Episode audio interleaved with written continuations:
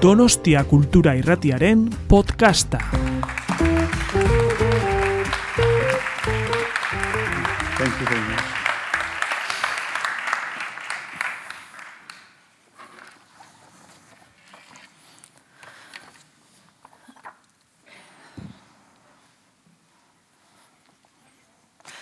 Arratsaldeon eta eskerrik asko antzerki antzoki honetara inguratu zareten guztioi eta bereziki literaktumi oro ohore handia baita niretzat David Grossman jaunarekin hizketan aritzeko aukera izatea.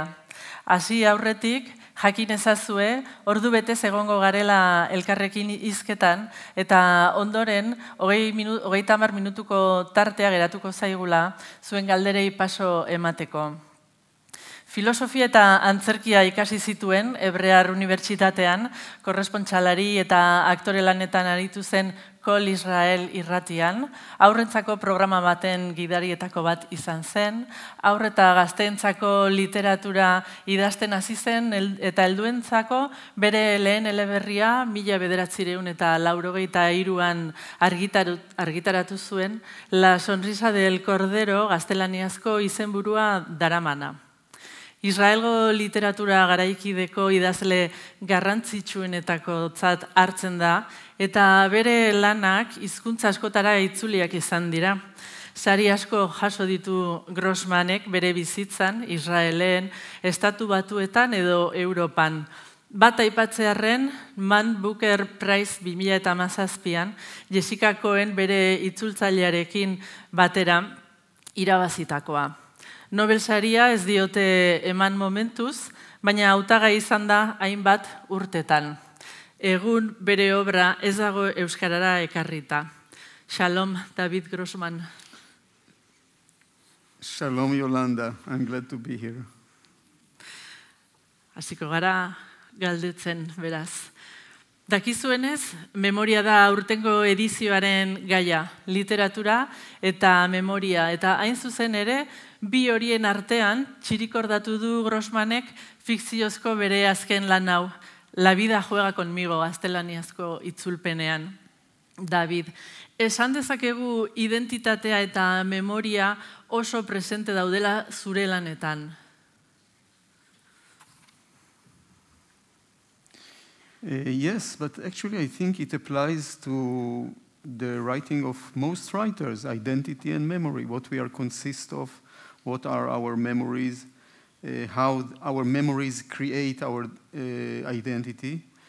Uh, in this book, uh, Life Plays With Me, uh, it is, the, the memory is so strong that it pushes the three women who, has, who are partners to this memory, it pushes them to a journey, a real journey, not only psychological, mental, philosophical journey, but a real journey to the place where their family has been crushed, where there was the primal sin uh, of, of this family that continues to influence the family for three generations.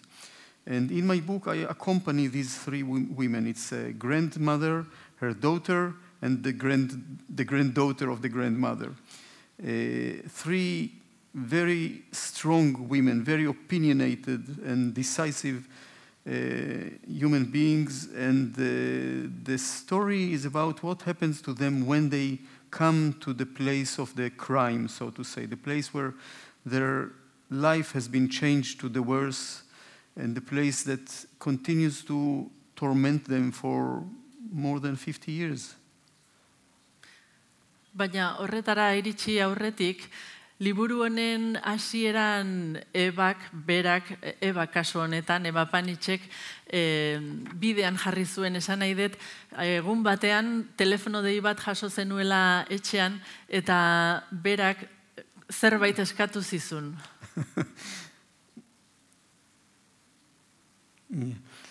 One day the telephone rang and Eva Panic, whom I never knew before, was on the line. With a very decisive voice. Uh, immediately I felt I did something wrong or that I'm guilty of something. But it turned out to be that she just had a remark for me for an article that I wrote uh, the other day. But then when she spoke, I noticed her accent, and it was a very unusual accent. It was a mixture of Serbo Croatian, Hungarian, and Hebrew. And I asked her about where, where does she come from. I, I, usually I like people to tell me where they come from, because usually there is a, big story about where we come from, to, to almost to every one of us. And she started to tell me her story, her life story. She was a, a child when, when she was born. She was a child under the regime of Tito, Marshal Tito in Yugoslavia. And she told me about her family, a Jewish family, a well to do family in the city of Čakovec in Croatia. And then she told me about the party in which she met her love of her life, Rade Panic Nahir. And then she stopped. At the most important point, she stopped and she said, Oh, David, I don't want to burden you with my stories, with my boring stories, but will you allow me to call you in, in, in the future and continue the story? And I said, Yes, please do. And two or three days later, she called me. The future came very quickly. And she started to tell me the story again from the beginning, this time a little differently and she continued beyond the point where she step, stopped last time. And then again, when she got to the most suspenseful mo- moment in the story, she said, You know, David, I'm sure you are bored. You, you, are not interested in the memories of an old lady. And I said, No, no, Eva, please. Because I started to recognize the mechanism that she used, the mechanism of Scheherazade with the Sultan. You know, the moment she got to the most important point, she withdrew and kept him awakened and her alive for another 24 hours. And then she started really to tell me her story. And she told me this story again and again in the 20 years of our friendship. She died when she was 97. She started telling me her story when she was 77. And each time she told me that we had arguments and doubts and bitterness, even sometimes when I refused to accept her position in her, in her life story. And the moments of excitement and even tears in my eyes when she said some things. Uh, and from the very beginning, I told her, You know, uh, you know Eva. She, in the book, she's Vera, but in life, she was Eva. I probably will write your story because she wanted to know if I'm going to write it. I probably will write your story. I can never tell it in advance. I can never decide that I will write a story. The story must be totally inevitable so that I will write it, that I, I will not be able to continue my life unless I start writing it. And I said, probably in the future, I, I have a feeling that I will write your story because it's such an extreme and haunting story. But you have to accept one condition. I am not going to describe you exactly as you are. I'm not going to document you one to one. I will write to you as, as I imagine you and as I fantasize you. But one thing is clear I will not impose on you something that is irrelevant from you. I will not invent something that is contradictory to your character. And she said, Yes, of course, this will be your story. This is your right as, the, as an artist. And when she said that as if she released me, then I was able to start writing it. Unfortunately, she never read it because she died before I finished it.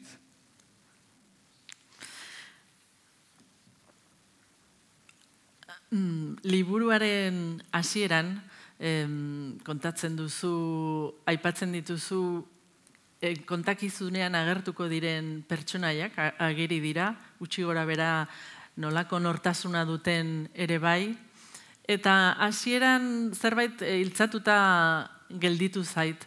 Eh, eta hain zuzen da, Nina eta Rafaren begiradat korapilatu egin zirela segundu gutxi batzuetan esan duzu. Eta gero, e, Rafak pixkate aurrerago jartzen duzu, esaten duzu, e, esku altxatuta, edo altxatu zion Ninari, eta honela berrogeita bost urte daramatza eskua luzatuta. Iruditzen zait Rafi dela pertsonaia guztiak lotzen dituena. Zer diozu? I agree with you. and I needed him, I needed Rafi to connect these three tough women. And maybe without his mediation, they would not have really reconciled ever in their lives. Uh, you know, it's very uh, typical today and very common to describe men in a very ugly way, as if they are obtuse, as if they are too thick to understand nuances, as if they are violent in every way they behave. But I know other men as well, more tender, more delicate, more sensitive. And Rafi is like a, a, someone who, who made these two extreme women possible, possible to, to, to be with even. Because when they are in the proximity of each other, they became so extreme that they needed someone to go between and to translate them into more bearable uh, terms. And so did Rafi for, for many, many years. And in a way, I felt he was my ambassador to this story. I needed him, uh, and they needed him, the three of them in life, they also needed him. Uh, there was such a Rafi, he was called uh, Tuvia, but there was such a Rafi in, in, in, in, in their life. Uh, and I think the presence of him made something more whole uh, and more with, with more layers. Uh, he, he enabled it because of his way to soften the situation. Uh, I'm, I'm, I'm not shying away from harsh situations, as, as you know, because you read some of, some of my books. But here, somehow, because they are living people, all of them, all the people I described, they are, they are alive, as if I needed someone to contain all of them, to make it possible.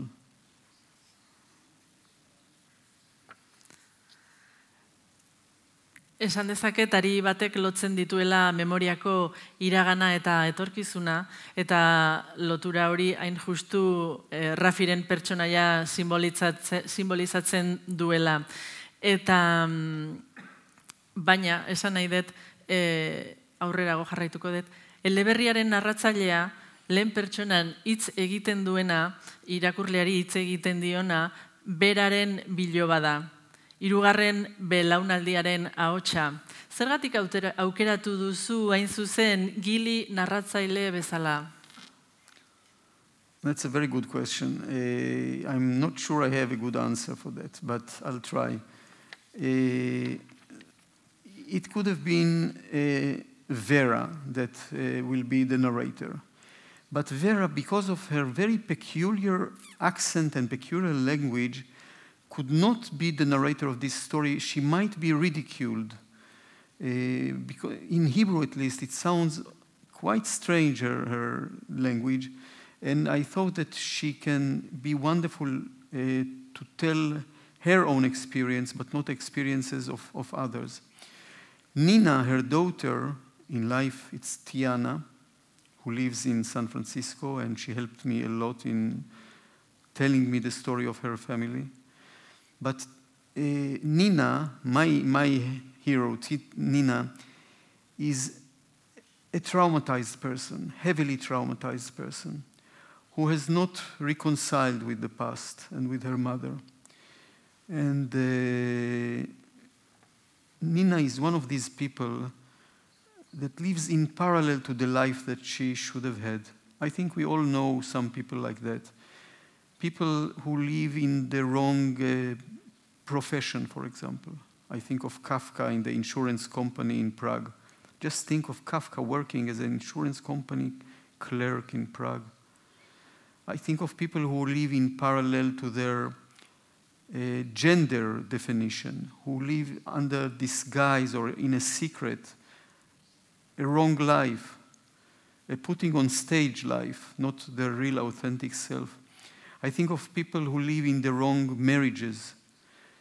And now, since we are all very sophisticated human beings and we know how to coexist with the fabricated story that we produce, we manage to continue our life in such a distortion of living in parallel.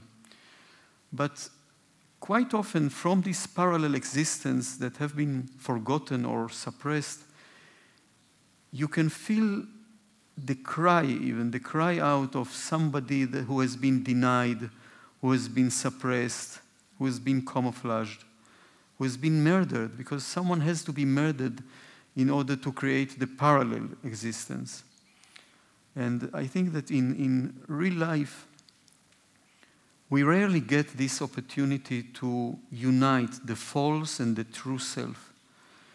Literature is more generous in that sense. Literature allows us to unite with our real self, both for the writer and for the reader.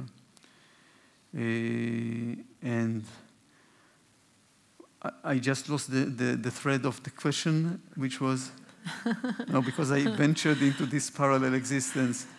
Uh, zergatik aukeratu duzun gili narratzaile ah, yes, bezala. Yes, yeah, yeah, yeah, yeah.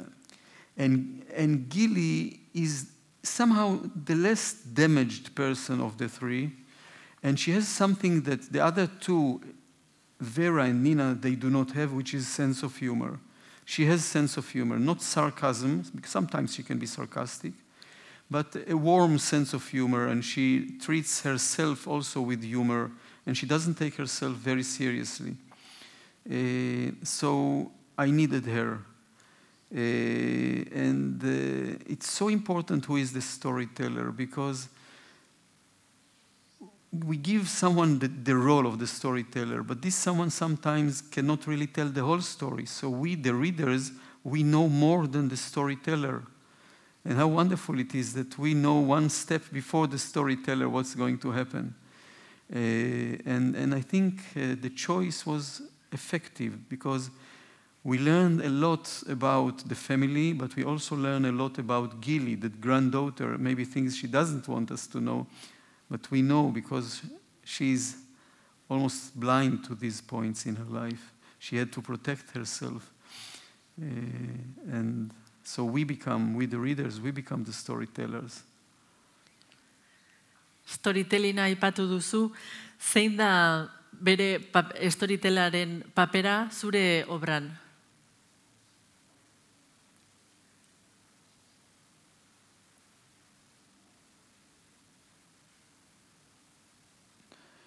It is a book about love in the end. Uh, it's, it's almost inevitable. Uh, after years of fighting with each other, the mother and the daughter, Vera and Nina, they found their way back to each other. Uh, this is something that this book has taught me. You know, every book almost teaches you something. The book that you write teaches you something, changes you in a way. And when I saw how these two women in real life, Eva Panic-Nahir and her daughter Tiana, how they were able to reconcile after all the, the bad blood that ran between these two, how the three of them were able to behave in a totally unexpected way as if they have decided to accept the other, they accept the other too. It is not easy. I, I quite often being asked, is forgiveness possible at all in our life? And I'm very realistic about it. I think that if we have been traumatized by someone, it is very hard for us to forgive him or her. Very hard. But maybe we start to realize that if we do not forgive even a little, if we are not willing a little to forget even what has been done to us, we suddenly have more flexibility inside our life. We are not doomed to a certain trauma. We are not tied up or imprisoned by this trauma. Uh, and if we have the, the mental powers of, of for, of not forgiving, but of being more flexible with, with the trauma of our life, then we might recreate ourselves anew. Uh, I, I, think of traumas in my life, of things that I have gone through. And I, I'm still struggling of forgiving or forgetting, but some things cannot be forgotten, some things cannot be forgave forgiven. But the act of trying to get to the point where you are not totally a victim of your trauma, that not twice being hit by the trauma, once when it happened and once when you live all your life under the, the prison of this trauma. I think this is something we can try to achieve, no more than that. If we try to achieve, we are already in somewhat a little different place. Eta horrekin lotuta, noski ninak bazeukan bere trauma, bere amak hartu zuen erabakiaren gatik, baina nik uste dut amak ere bazeukala bere zauria hain zuzen horrengatik. Eta liburuan zehar iruditzen zait erakusten diguzula badaudela ama izateko modu ezberdinak eta liburu honetan bi daude. Bata da ninarekikoa, ninarekiko amak e, egindakoa edo erabakitakoa edo gertatutakoa eta gero badago beste ama izateko modu bat eta hori da rafirekiko harremanean.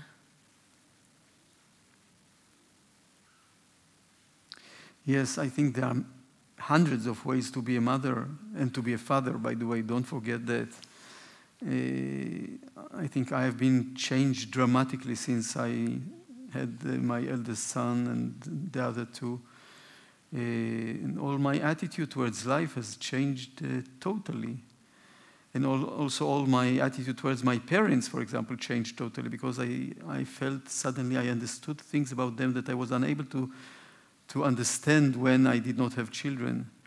And you are right, yes, there are, there are many ways to be a mother. Uh, and so many ways in which motherhood uh, changes you and matures you. Uh, and in, in this book, there are at least two or three kinds of, of motherhood.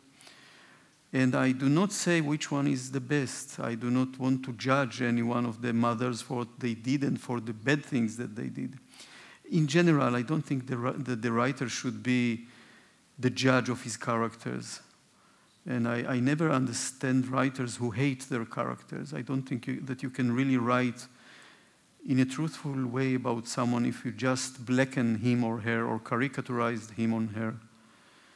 Uh, and exactly like that, I, I, I want my, or let's say when I write about someone, even with, when I write about someone who is hard to accept, like Eva, Vera, I try not to be the, the lawyer of her and not the social worker of her and not the kindergarten nurse of her. I just want her to be with capital B, you know, to allow her to, to show us everything that she has without judging her, just letting her be.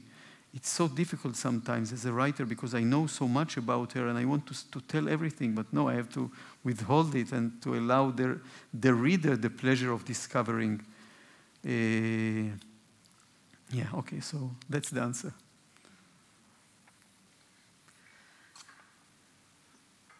Maitasuna dela esango nuke kontakizunaren gai indartsuena.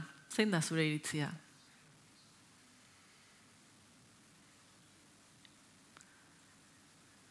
I said it, yes. And as, as there are many ways for motherhood or fatherhood, there are even more ways of love, all kind of loves. And, and I think that almost in every one of my books, I, I try to decode love and to understand it and, and to, to understand the, even the mechanism of love. But this sounds too stiff and tough. But I, I think that you know, the, the, opposite of war, and I come from a war zone, so I'm, I'm a little expert about that. The opposite of war is not peace, uh, because the opposite is love. Not in the Hollywoodian way of thinking, but exactly as in love you specify one person from the many billion and zillion people in the world, you, you focus on one person so in, in war, you have to generalize every human, every individual. You have to portray to yourself if you want to fight with someone, if you want to kill someone, you have to regard this someone as almost no entity. And you, you have to think in stereotypes and prejudices and generalizations. Uh, and, and this is why I'm attracted so often to write about wars because it allows me to reclaim the individual from the general and to reclaim the, the unique and the idiosyncratic from the, from the prejudices and to show what happens to a person who is facing an outer arbitrariness, an individual who is facing an, a reality or an arbitrariness of war, for example, or the arbitrariness of the Shoah, the Holocaust, or the arbitrariness that our body has upon our soul. Uh, all my books deal with this individual who is facing the arbitrariness and it is so difficult to face this arbitrariness because they always have their mechanisms and their power and their budgets and their believers and their, their zealots. Uh, and yet, especially because I, I'm living all my life in a war zone, especially because I paid such a heavy personal price for this everlasting war, uh, I am desperate to, to find a place for the individual in such reality? How do you remain an individual in, in a reality like the Shoah, in an extermination camp? How do you maintain your personal individuality when all your qualities as, hum, as a human being has been bereft from you? People did not have names, they had numbers tattooed on their wrist, on their arm. People had no family, they lost their family, they lost their friends, they lost their classmates, they lost all the people in their street, like my grandfather did. They lost their intimacy, they lost their talents, their secrets. How do you still, in such a reality, when all the world almost looks like a total deprivation of you from, from your basic human qualities, how do you remain humane? How do you remain a human being? and to maintain some warmth and some, some beliefs in, in, in mankind. And this is what I'm writing about in all my books, actually. Even when I write about relationship of a man and a woman or parents and their children or siblings, I try to, to change the prejudicial reality and to bring it back to to, to human beings' size. Uh, it is so often that we are yielding to stereotypes. And I think what, what I so much love about literature, both as a reader and as a writer, is the ability to, to, to massage the stiffness of stories. that Sometimes stories stiffen And I think every one of us, and we spoke about it before when, when we met before, about the importance of the story in our life, of the storytelling in our life. Because every one of us, we have our official story, yes, our formal visit card story that we present to new people that we meet and we want to impress them, we want to gain their likeness or their love or their misery sometimes eh, when we want to feel misery. Uh, and over the years, we perfected this official story again and again and again, and we become very good in telling our official story how we have been misunderstood by our parents, by our siblings, by our teachers, by the, the zeitgeist. And we really become wonderful actors who play, put on stage the formal story. And by doing so, we forget that maybe, maybe we are in already in a different place in life. Maybe we do not have to quote again and again the same formal story. Maybe we are not so enslaved to our formal story. Maybe we can stop being victims of our formal and official personal story and if we understand it, if we understand that we can tell the same story but with new words, the new words would infuse life suddenly to us. Suddenly we shall not be totally paralyzed by the official story. Suddenly, you know, if we write about our traumatic or traumatized childhood, but we describe it from not from our point of view, which we know already too, too much, but from the point of view of our parents, maybe suddenly we understand that also mama had a mama. And also papa has the right to have psychology. Pa- our Papa, who seems to us only like a bunch of actions, no, he has psychology and he has a soul. And if you allow yourself to look at reality from this point of view, suddenly things start to move. Suddenly you, you can breathe with both lungs. You know, you're not squeezed and, and narrowed down. And uh, there is such an air of liberty when you are able to do it, yes? And, and of course, I'm talking about individuals, but I think also about nations. Every nation has its own mythological stories about how heroic the, the father founders were and how just they were and how courageous and how horrible was our enemy and how immoral our enemy. But if we allow the, the official story of the enemy to infiltrate into our own identity, just a little, it, it will not ruin our identity, it will not ruin us, it will just make the story that we tell ourselves more rich and more multi layered. And maybe, you know, the, the people keep talking about the Israeli narrative and the Palestinian narrative. I hate this word narrative, this American way of describing life narrative. I think a narrative is a, is a human story that has congealed, that has fossilized. And we, as I said some ages ago when I started this answer, uh, we, when we write about it, we are massaging the, the, the, the stiff narrative.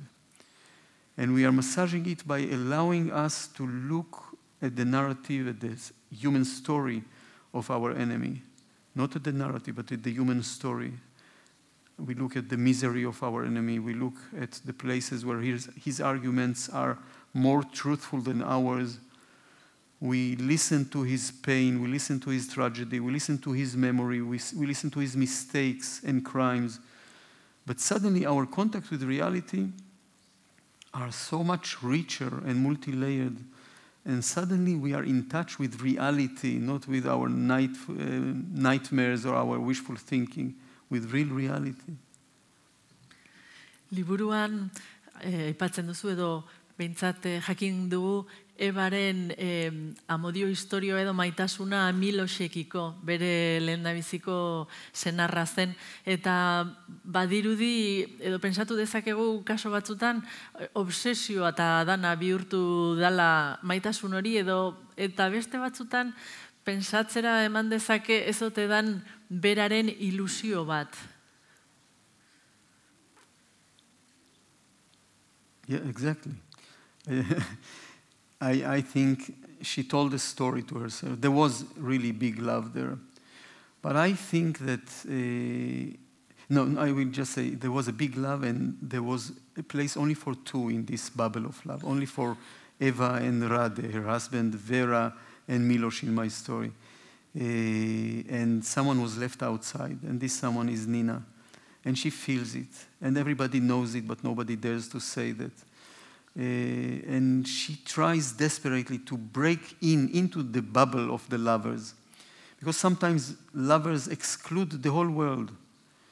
And, and Nina wants to be loved once more, or to be loved by her mother and by her dead, dead father, even. Uh, but maybe we cannot really recreate the love that we missed in our childhood. Maybe we are doomed to look for it all our life without finding. Uh, yes, so you, you are very right. In, in my book, at least, uh, in the hallucinations of uh, Vera, she speaks with her lover, her husband, and suddenly she feels that maybe he disapproves of what she did, of the step she did that we shall not disclose here, we shall not make a spoiler. Maybe he does not, does not agree with her. And of course, the reader understands, or the good reader, like yourself, understands that it's an externalization of the guilt feeling that Eva had for what she did to her daughter Tiana. Horrekin lotuta, e, behin ebak erabaki bat hartu behar du emaitza bat emango du horrek eta bera ikusiko du bere burua preso bidaliko dutela goli... I, I, I don't have translation. Okay, okay, but you're able to translate? Please repeat the question okay. she asked.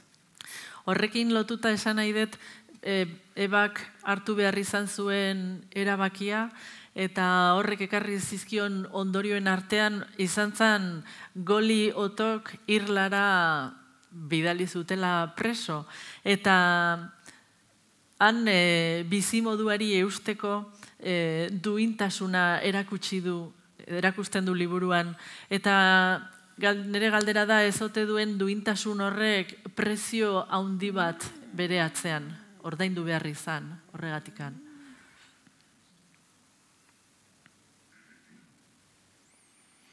I will not judge her. Uh, no, I will not judge because I want the readers, the reader, to make his or her decision. And I, I, if I may suggest, not make a decision, just enjoy the doubt. You know, in, in juridical world, there is this terminology term that says to benefit from the doubt. Someone is benefited from the doubt. I want the readers to benefit from the doubt because this is what literature allows to be simultaneously at two contradictory uh, places. Uh, so, yeah, that's. Zergatik uste duzu ebak nahi zuela bere historia kontatzea?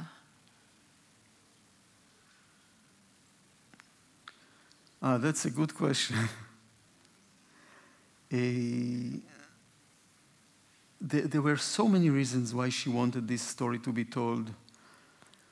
Maybe because she felt that uh, she will not rest in peace unless this story is being told. Maybe because she wanted to convince the readers and then herself that she had no choice. You spoke before about her dignity. Yes, she was a very dignified person. And even in the, the worst conditions in Goli Otok, in the naked island where she was imprisoned for three long years, she kept her dignity. She never, she never gave away friends who were supposed to be supporters of Stalin, and this is why they have been imprisoned in Goli Otok. She never betrayed any of her friends. You could say she betrayed her daughter. But she, when I suggested it, she said, You cannot understand. You will never understand my life under the time of Tito. It was a different period, a different era. We, in, in our time, ideas and ideals were more important than human beings. We were programmed to sacrifice ourselves as individuals for the sake of ideas and ideals. Today, it's a totally different period. It's a period that people will never sacrifice themselves for an idea, she said. Actually, this is not true because there are so many religious and fanatic human beings. I think of the people of Al Qaeda, of Hezbollah, who will happily sacrifice themselves for ideals. Uh, so, why did she want her story to be told?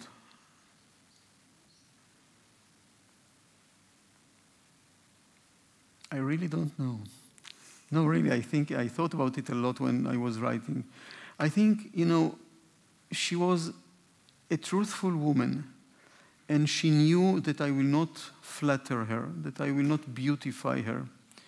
She couldn't have tolerated something like that. Uh, as I said, she was like a rock. She was the most, the strongest person I ever met. And I met a lot of people, but none of them, including leaders of countries, none of them was as crystallized, as strong, as determined as she was, which I'm not sure I'm very enthusiastic about these characteristics. Uh, you know, there is a wonderful poem by our almost national poet, Yehuda Amichai. And he said, From the place where we are just, that we are right, flowers will not blossom in the spring. He meant that in, if we are very just, we become stiffened, and, and there is not air to breathe and no room to maneuver and flexibility to play with. So I, am suspicious towards people who are totally just. But maybe she felt that if she gave it to a writer, if she gave her story to a writer, and the writer inevitably will not portray her as she knows herself, as she looks at the mirror, but from here, from here, from there, from points that are surprising and maybe even painful for her. But there will be truth in them, maybe because of that. And we cannot ask her anymore we have the reaction of her daughter and a granddaughter who told me that Eva would have loved this book, uh, and I'm very glad for that. But I, don't, I cannot ask her. Eba, esan duzu lehen deitu egin zizunean lehendabiziko aldi hartan bere hizkera ezberdina zala. E, hain zuzen, etorkina zen, Kroaziatik Israelera bizitzera joan zen. Eta mm, nahiko nuke e, zu zeu e, ebreeraz kontatzea e, momentu honetarako aukeratu dudan testua. Eta gero nik euskeraz itzuliko dut.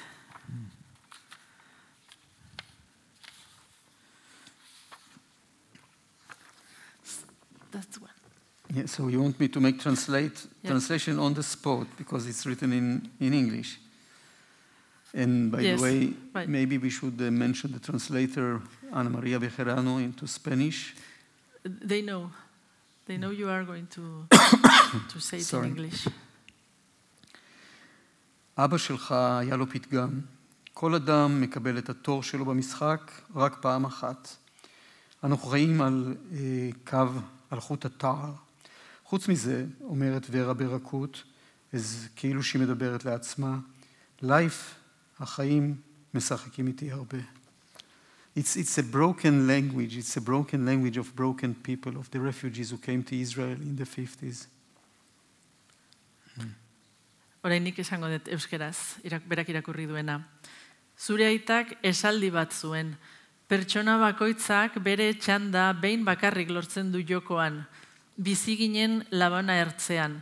Gainera berak gehitzen du emeki. Bere buruarekin hitz egingo balu bezala, bizitzak asko jolasten nirekin. Eta horrekin lotuta. Irakurri dugun pasartearekin bi gauza lotu nahi ditut. Alde batetik hizkuntzaren garrantzia identitatearen nortasun iturri bezala.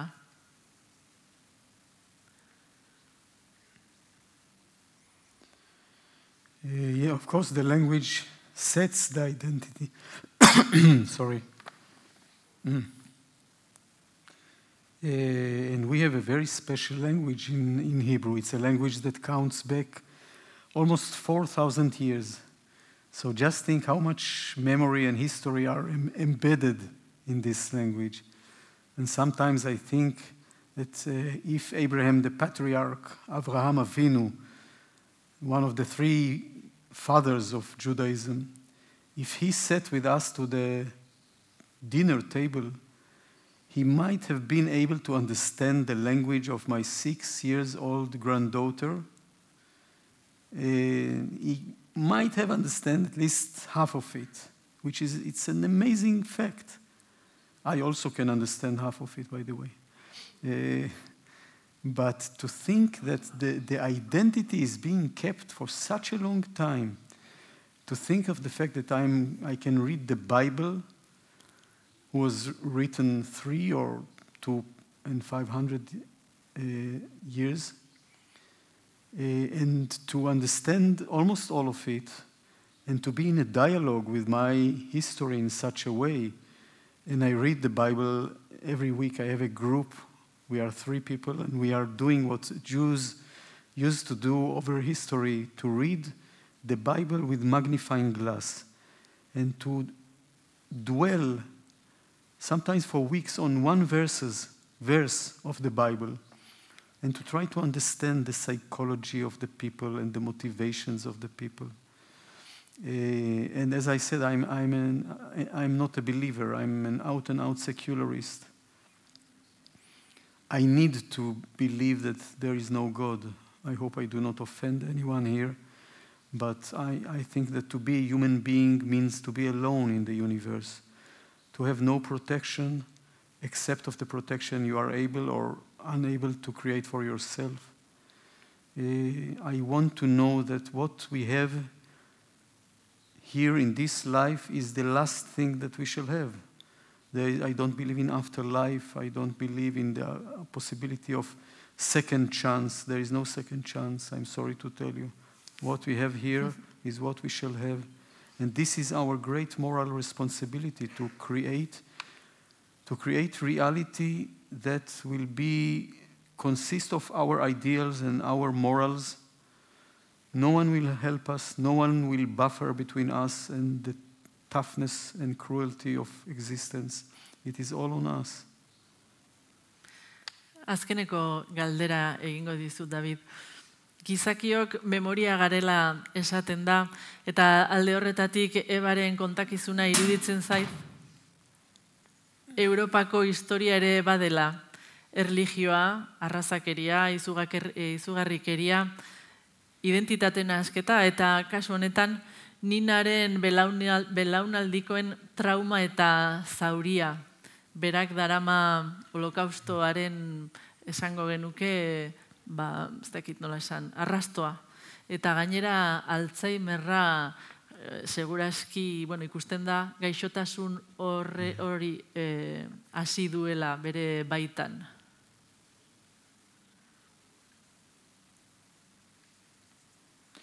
Yes. Uh, where to start from? Uh, You know, I think that you mentioned the Shoah, the Holocaust. And the Shoah is very present in our life in Israel, and it has a, a strong, unbelievably strong effect on many things in our life, even though we are more than 70 years after the Shoah. And now it's the third or fourth generation that was born after the Shoah. And yet, the way we raise up our children is affected and sometimes infected by the anxieties and the trauma of the Shoah, the way we ran our country, the way we are uh, threatened easily, the way we feel that we are an, on the edge of an abyss all our life, that every moment a huge war can start. It all comes from the Shoah. Uh, even the question of bringing children to this world is affected and infected from our experience in the Shoah.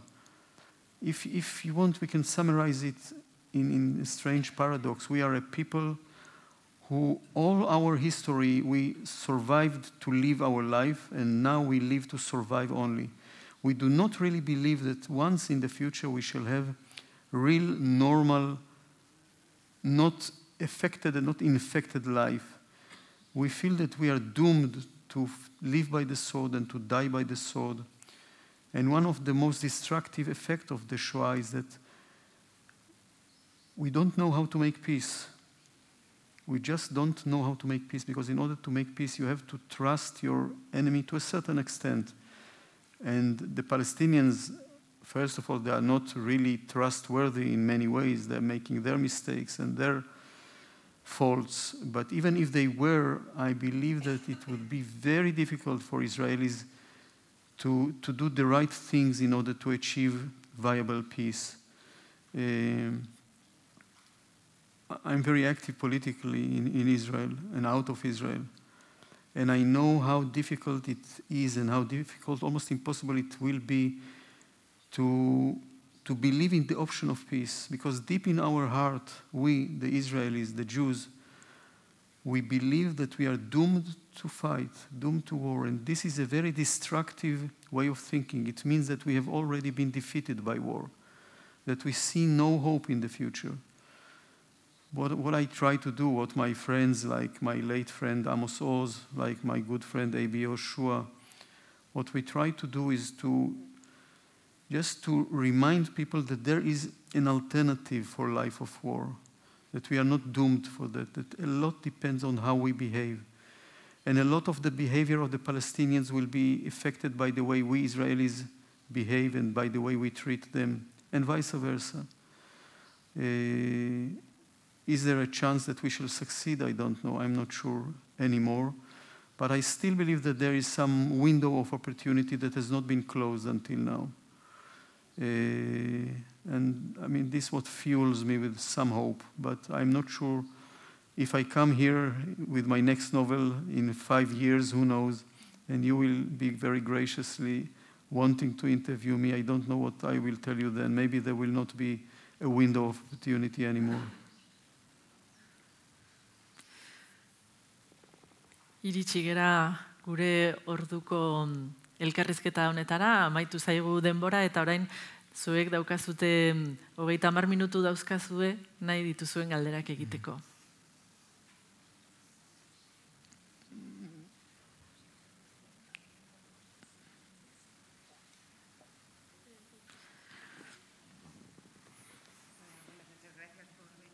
No, we don't hear you, I think. No, I think you should speak in Basque and I will have the translation. Ah, whatever you want.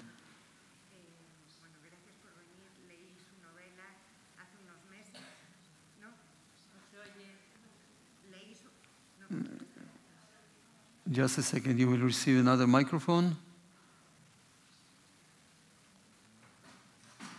It's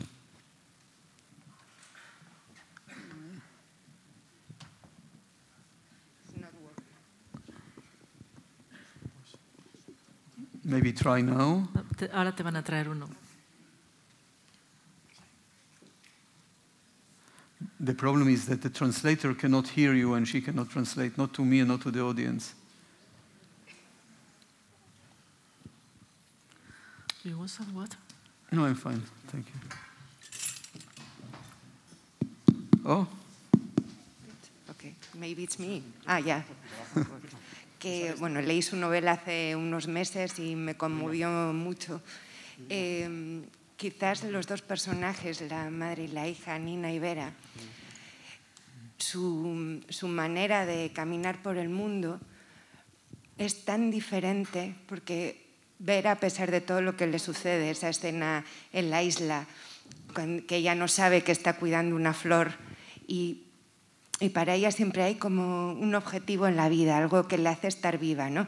Y en cambio, Nina no le importa vivir o morir. no- cree que ella no merece ser amada, cree que, que ella no, no merece estar en la vida, eh, huye de todo.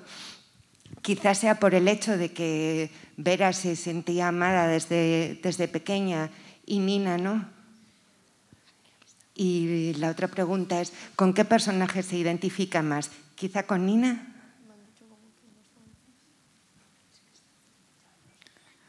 Uh, I, I will answer the second question. The first was not a question, but thank you for what you said.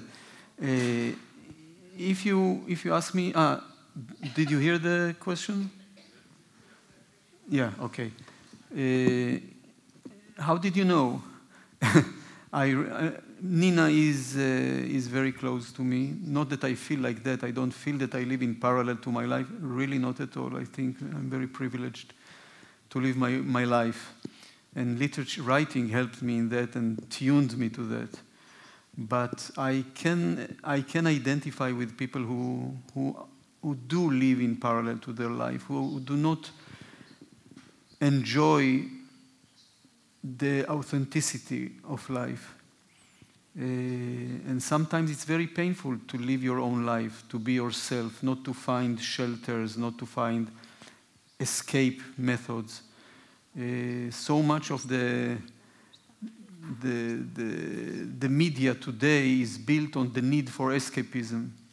So we are being bribed all the time by a very strong element who, who is really trying to make us forget fears, anxieties, worries. Yeah. Uh,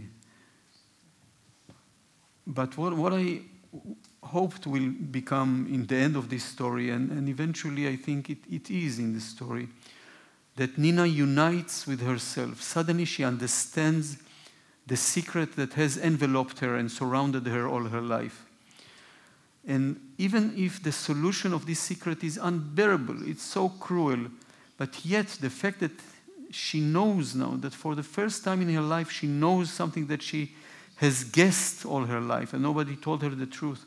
The, the purification of, of the body and of the soul when you at last hear the truth about yourself is something, well, it's, it's unique. So thank you for your question. Yeah. More questions? Now you know everything, I see.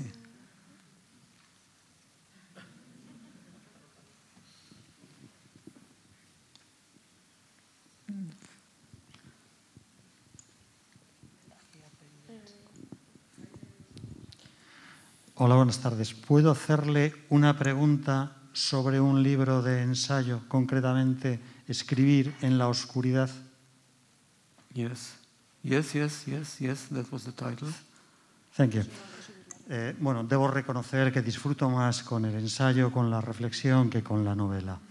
Dicho esto, me sorprendió muchísimo justamente en ese libro, en el primer trabajo, cuando empieza citando a Kafka el relato del gato y el ratón, y el ratón a, punto de verse atrapado dice, ah, Dios mío, el mundo se está haciendo, cito de memoria, se está haciendo cada vez más estrecho. Es de eso de lo que va concretamente ese primer ensayo. Eh, entiendo que se está escribiendo desde Israel y desde un año muy concreto, 2007.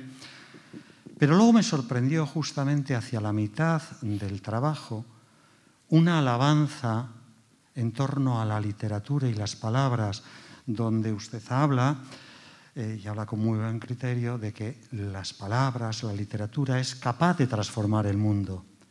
Claro, yo me preguntaba, ¿cómo después de 4.000 años de literatura, desde Gilgamesh, la literatura no ha terminado de cambiar el mundo y el mundo efectivamente, como usted reconocía en ese momento, se está haciendo cada vez más estrecho? Esa es la cuestión. I think you know the answer as I do. Uh, I think I need to believe that literature can change some things in some people, no more than that. Uh, I think if we are if we are doing our job right with the writers, we are able to find nuances in a thick world. The world is thick. It's thick, it's generalized, it's not tuned to the right things. This is our reality, the reality of the, of the masses. I, again, I'll go back to the, to the role of the mass media in creating our identity.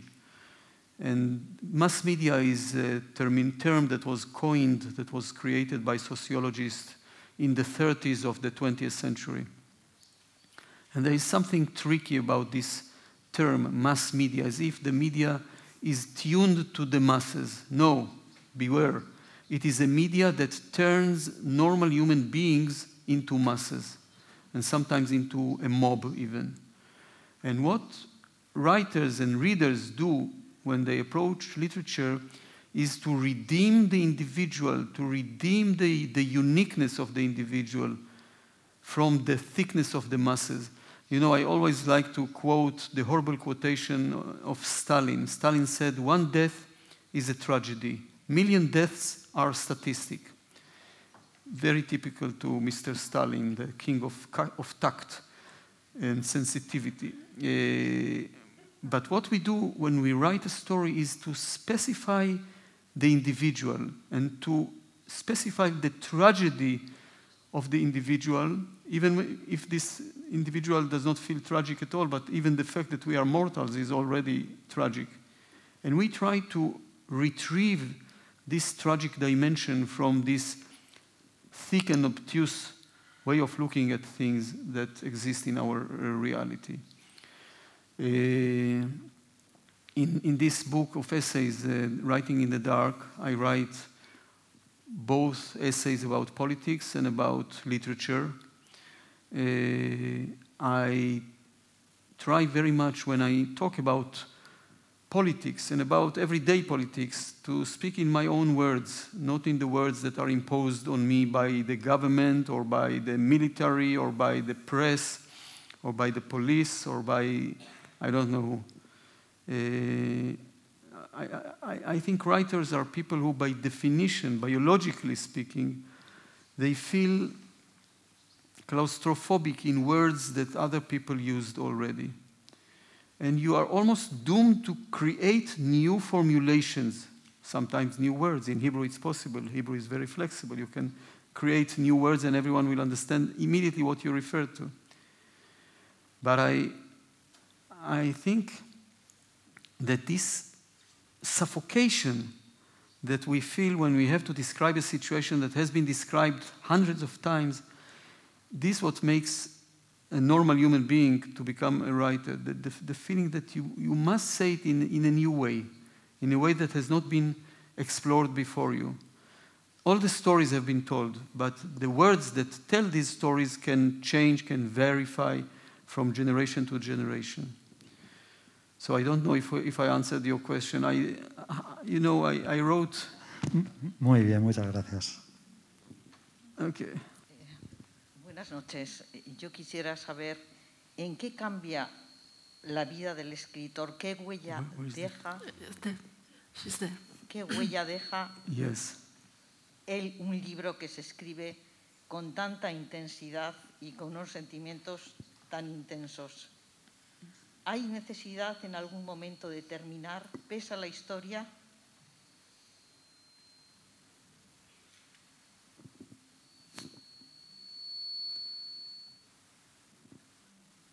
Uh, thank you for your empathy and sympathy. Yes, sometimes it's tough, but uh, it's a relevant toughness. Uh, you know, usually we are so hurt by things that are totally irrelevant, irrelevant for us. Our destiny is being decided by people who we have nothing in common. Uh, and when you write, even things that in the beginning seem to be totally irrelevant, I, I, quite often I ask myself, I ask my wife, why this story sticks to me? What, what's the matter? I, it's not me who has to write this story. And then after I write and I rewrite and I insist and continue to insist, then suddenly I understand why it is so important for me to write this story, why it is so relevant, so tuned to me, and I'm so tuned to it. Um, and when it's burdening, it means good. It means that I'm closer to understand something. Uh, exactly like in medication, you know, if it hurts, well, it maybe, maybe it does its job. Uh, it's not easy to, to be a writer and to be a person of a certain family because I, I want to live within my family. I don't want to be detached. I don't want my, the door of my working room to be shut up in front of my children and my granddaughters. Uh, this will be a ter terrible failure to me if they think that I preferred writing to them. Uh, it is another way of being in this life for me, writing. Like fathering, it is another way of being in this life. Uh, and after all, I always believe that the greatest moments in history they have not occurred in battlefields and not in palaces and not in parliaments, but rather in kitchens and in rooms of children and in the, in the, in the rooms of the, in the sleeping room. These were the most significant points, moments in the history of, of mankind, I think. All the rest, I understand very little about.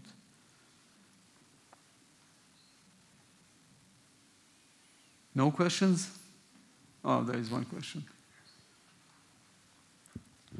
Eh, buenas noches, eh, David.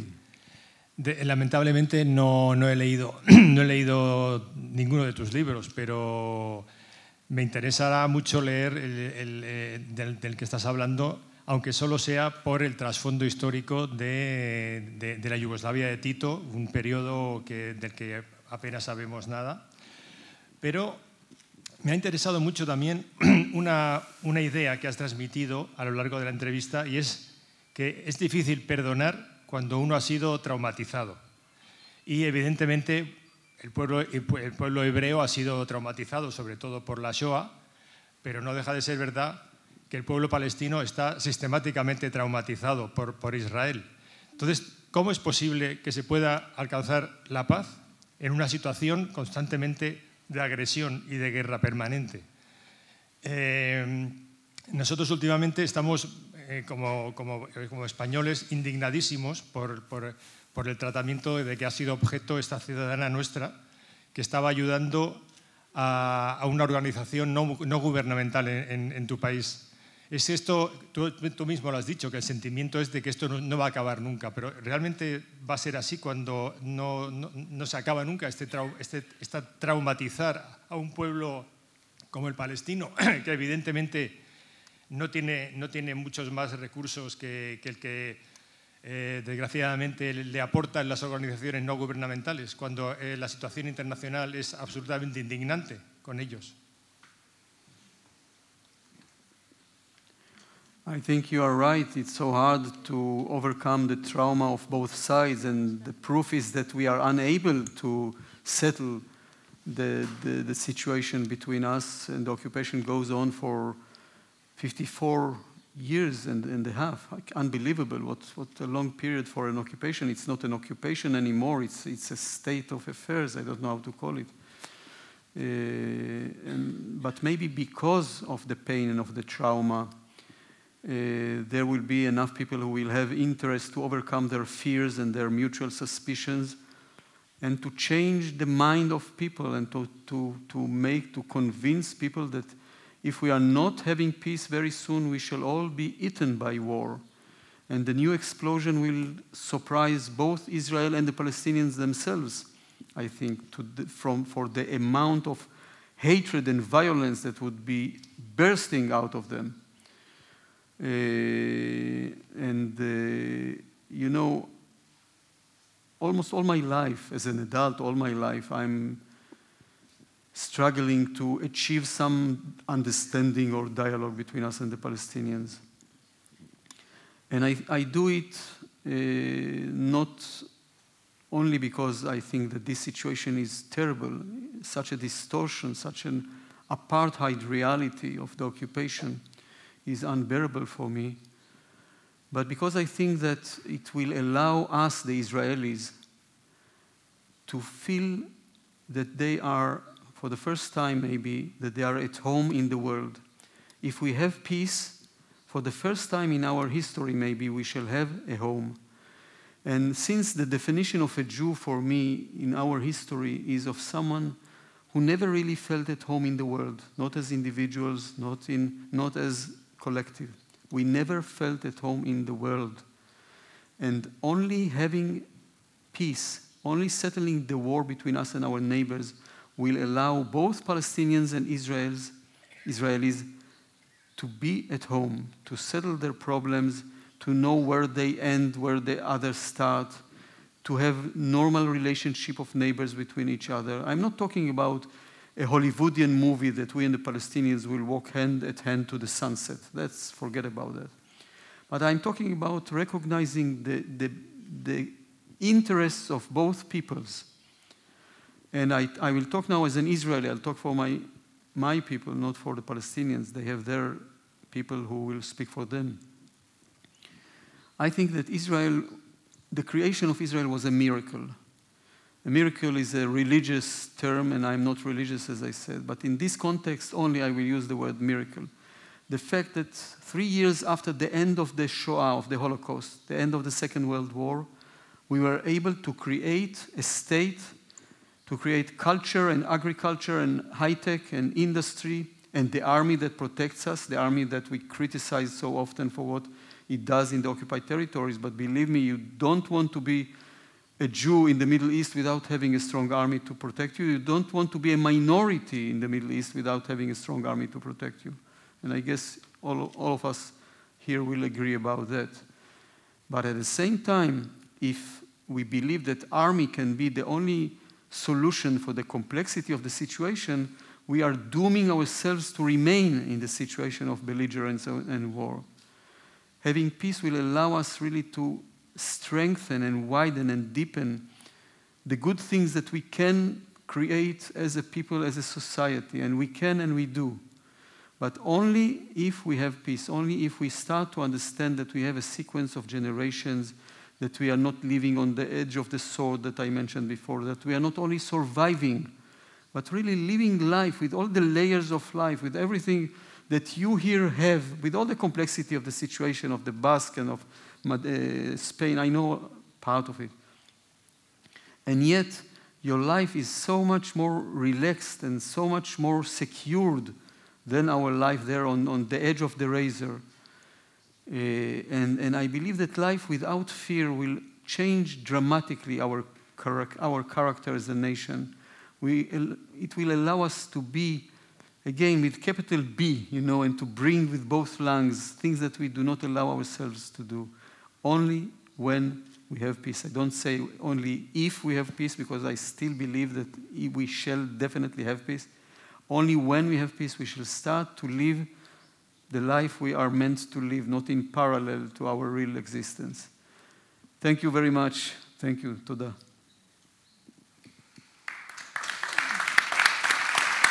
Thank you. Thank you.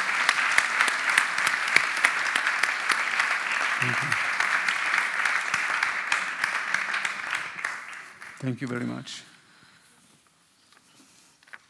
Bueno, amaitutzate emango dugu. No, I, I think we are done. Em? Yes? Yeah. Yeah. Amaitutzate emango dugu.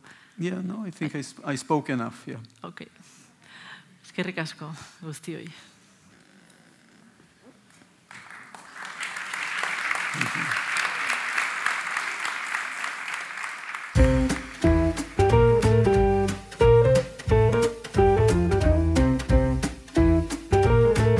Donostia Kultura Irratiaren podcasta.